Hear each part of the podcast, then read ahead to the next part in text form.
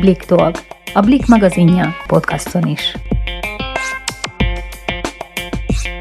Sziasztok, Csatári Henriett vagyok a Blik újságírója, és ma Józan Lászlóval fogok beszélgetni, aki az RTL Klub állarcos énekesének legutóbbi leleplezettje. Szia, üdvözöllek! Szia, Eni, üdvözlöm a hallgatókat, sziasztok! Hogy vagy? Nagyon jól vagyok, nagyon örültem annak, hogy részt vettem ebben a műsorban, nagyon örülök, hogy eljutottam addig, ameddig eljutottam, és kifejezetten jó esőérzés volt az, hogy ebben a nehéz időszakban vasárnap esténként várhattam azt, hogy a tévé elé leülhessek, és visszanézhessem a kutyát, illetve az összes többi versenyzőt.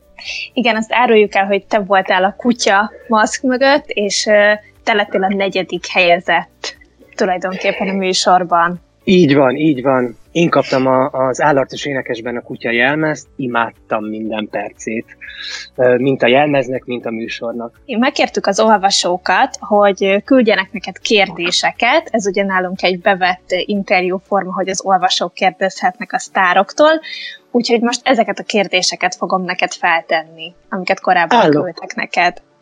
Állok elében, Heli. Jöjjenek a kérdések. Laci, én azt hittem, hogy egy öreg ember van abban a kutyában. Direkt mozogtál így, vagy csak így tudtál? Puszi Eszter. Nem játszottam rá direkt arra, hogy öreg embernek tűnjek. A detektívek gondolták, hogy tőlem jóval idősebb e, ember áll a maszk mögött, vagy a maszkban.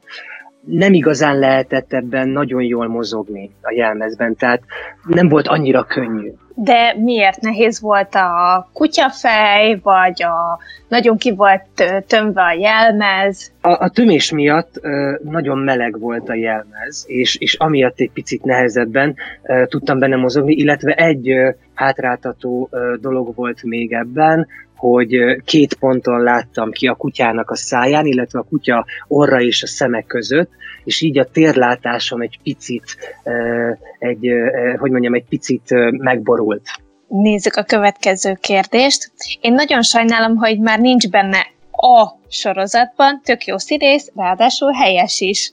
Ugye itt a sorozat, hát gondolom, a barátok hogy a barátok közre gondol. gondolnak, igen. Így van. Én azt hiszem, körülbelül másfél éve nem forgatok már, illetve nem vagyok képernyőn a barátok közben. Eltöltöttem négy és fél csodálatos évet a sorozatban, nagy Tóbiásként. Nagyon szerettem a forgatásokat, nagyon szerettem a kollégáimat. A mai napig viszonylag sok kollégámmal tartom a kapcsolatot, többek között Nyári Diával, Mezei Rékalédával, nagy Alexandrával, Hajnal Janival vagyunk egy ilyen kis baráti körben. Minden percét élveztem a, a forgatásoknak, nagyon sokat kaptam, és itt nem csak, a, nem csak az ismertségről beszélnék én most, hanem rutint szereztem, a, a, tehát hogy hogyan kell egy kamera előtt állni, hogyan kell koncentrálni. Ilyen dolgokat tanultam meg a négy és fél év alatt, amit majd szeretnék kamatoztatni a közeljövőben. Van esetleg tervben valami? Az én fejemben nagyon sok minden van.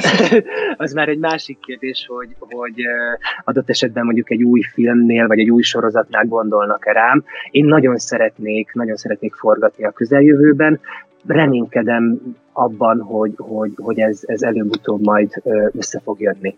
Kedves Laci, Régóta nagy rajongód vagyok, az egyik előadásod után még közös fotót is engedtél, és aláírásom is van tőled. Akkor megkérdeztem, hogy lehetne veled ismerkedni, de nemet mondtál. És most? Vagy foglalt a szíved?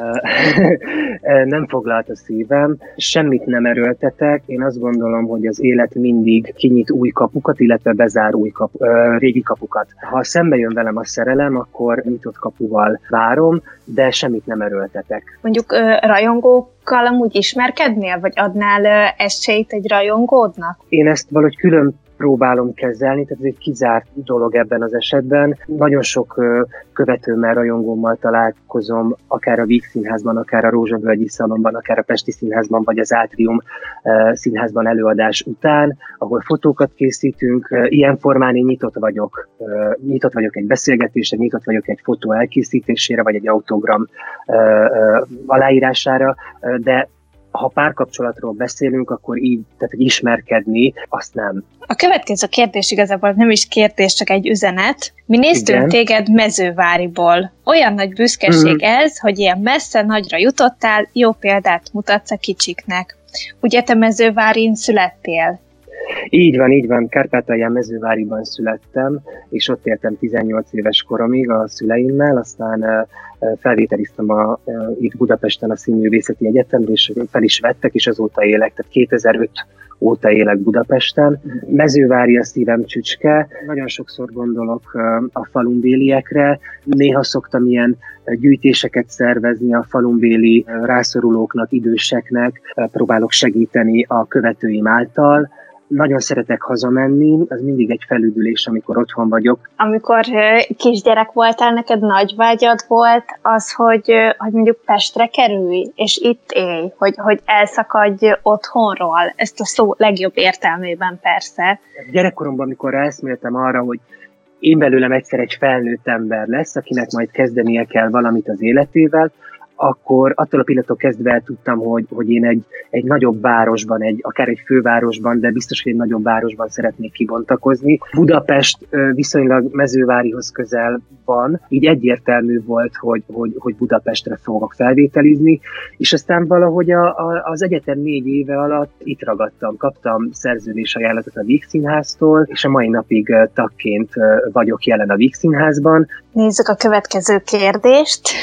Te hol tanultál meg ilyen jól énekelni? Már középiskolában is sokat énekeltem, ilyen énekversenyeken vettem részt, aztán a Színművészeti Egyetemen énektanárhoz jártam, és aztán a, a Víg Színházba kerültem, és ott uh, Bagó Gizella tanárnőhöz kerültem, aki a Színművészeti Egyetemnek, uh, Egyetem uh, énektanszékének a rektora. Az eddigi karrierem során szembe jöttek velem zenés szerepek, megemlíteném itt a Pál utcai fiúkat, a dzsungel könyvét, a Hegedűs a háztetőnt, amiben el kellett énekelnem egy, illetve több dalt. Én, amire nagyon büszke vagyok, az a Never Enough produkcióm, mert azt a dalt alapjáraton nagyon szeretem, és, és nagyon jól be tudtam rakni a torkomba, úgyhogy ennek így örültem nagyon összekeverem valamivel, de nem az volt, amin a nyomozók el is érzékenyültek? De, így van, így van. Sikerült a produkcióm után könnyeket csalni Gáspár Laci szemé, szemébe, de még a Sebestyén Balázs szemében is láttam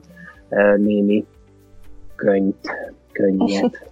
Nem volt rossz, hogy hazudnod kellett a családodnak? Ugye itt azért mondjuk el, hogy már készítettünk veled egy interjút, ahol ugye elárultad nekünk, hogy hát amikor a próbákra és a felvételekre jártál, ugye nem mondhattad el a családodnak, a barátaidnak se, hogy éppen hova mész, és ugye ki kellett valamit találni. Amikor ezzel a műsorral kapcsolatban megkeresett engem az RTL Klub, akkor az első fontos dolog, amit leszögeztek, az az, hogy erről nem beszélhetek senkinek. A titoktól lesz érdekes az a műsor. Ezáltal én is csak egy barátomnak mondtam el, hogy mi történik velem, mert úgy éreztem, hogy valakivel muszáj megosztanom, és olyan barátomnak mondtam el, akiben tudom, hogy abszolút százszerzelékosan megbízhatok. Nagyon nehéz volt hazudni nagyon sokat hazudtam az elmúlt, elmúlt időszakban. Vasárnap este óta nagyon-nagyon sok embertől kértem elnézést azért, hogy össze-vissza hazudtam. Mert nyilván, amikor elkezdődött a műsor a tévében, akkor páradás után jöttek az üzenetek, többek között a Peller Annától, a Nyári Diától jöttek üzenetek, hogy szerintem te vagy a, a kutya. És akkor próbáltam erre frappás választ kitalálni, hogy nem belemenni egy ilyen hosszú magyarázkodásba, mert az is lebukós, és nyilván a legegyszerűbb az az volt, hogy én örülnék a legjobban, ha benne lennék a műsorban, de sajnos nem vagyok benne. Aztán az Anna továbbra, a Peller Anna továbbra sem adta fel. Ő minden produkció után írt egy üzenetet, hogy de akkor is te vagy a kutya, mert nekünk volt két kis koncertünk a Feller Annával évekkel ezelőtt, és nyilván ő ismeri a hangomat, ismeri a mozgásomat ezáltal. Odáig jutott ez a beszélgetés, hogy azzal tudtam visszavágni, hogy Anna, szerintem meg te vagy a polip. Tehát próbáltam így visszavágni. Nagyon nehéz volt a családomnak is nem elújságolni, hogy milyen jó munkában veszek most részt. És akkor nézzük az utolsó kérdést. Szerinted ki fog nyerni? Melyik maszk lesz a befutó? Ez egy nagyon nehéz kérdés. Azt gondolom, hogy az utolsó háromban ugye a Nyuszi marad bent, Krokodil és a, a Robot. Mindhárom versenyző egészen kiváló. Nagyon látszik, hogy kinek van színpadi rutinja, szerintem a robotnak és a nyuszinak nagyon van, tehát valószínű, hogy ők színpadi emberek. Ami szerintem a legfontosabb, hogy itt már mind három versenyző megérdemli azt, hogy ő álljon a képzeletbeli dobogó legfelső fokára. Laci, nagyon szépen köszönöm, hogy válaszoltál az olvasók kérdéseire. Én köszönöm, Heni, illetve köszönöm az olvasóknak a kérdéseiket, illetve köszönöm azt a, azt a rengeteg, mérhetetlenül sok üzenetet, mint az Instagramon, mint a Facebookon, mint SMS-ben, meg azt a rengeteg hívást, ami, ami az elmúlt tulajdonképpen egy napban történt velem. Most mindegyikre próbálok, próbálok válaszolni.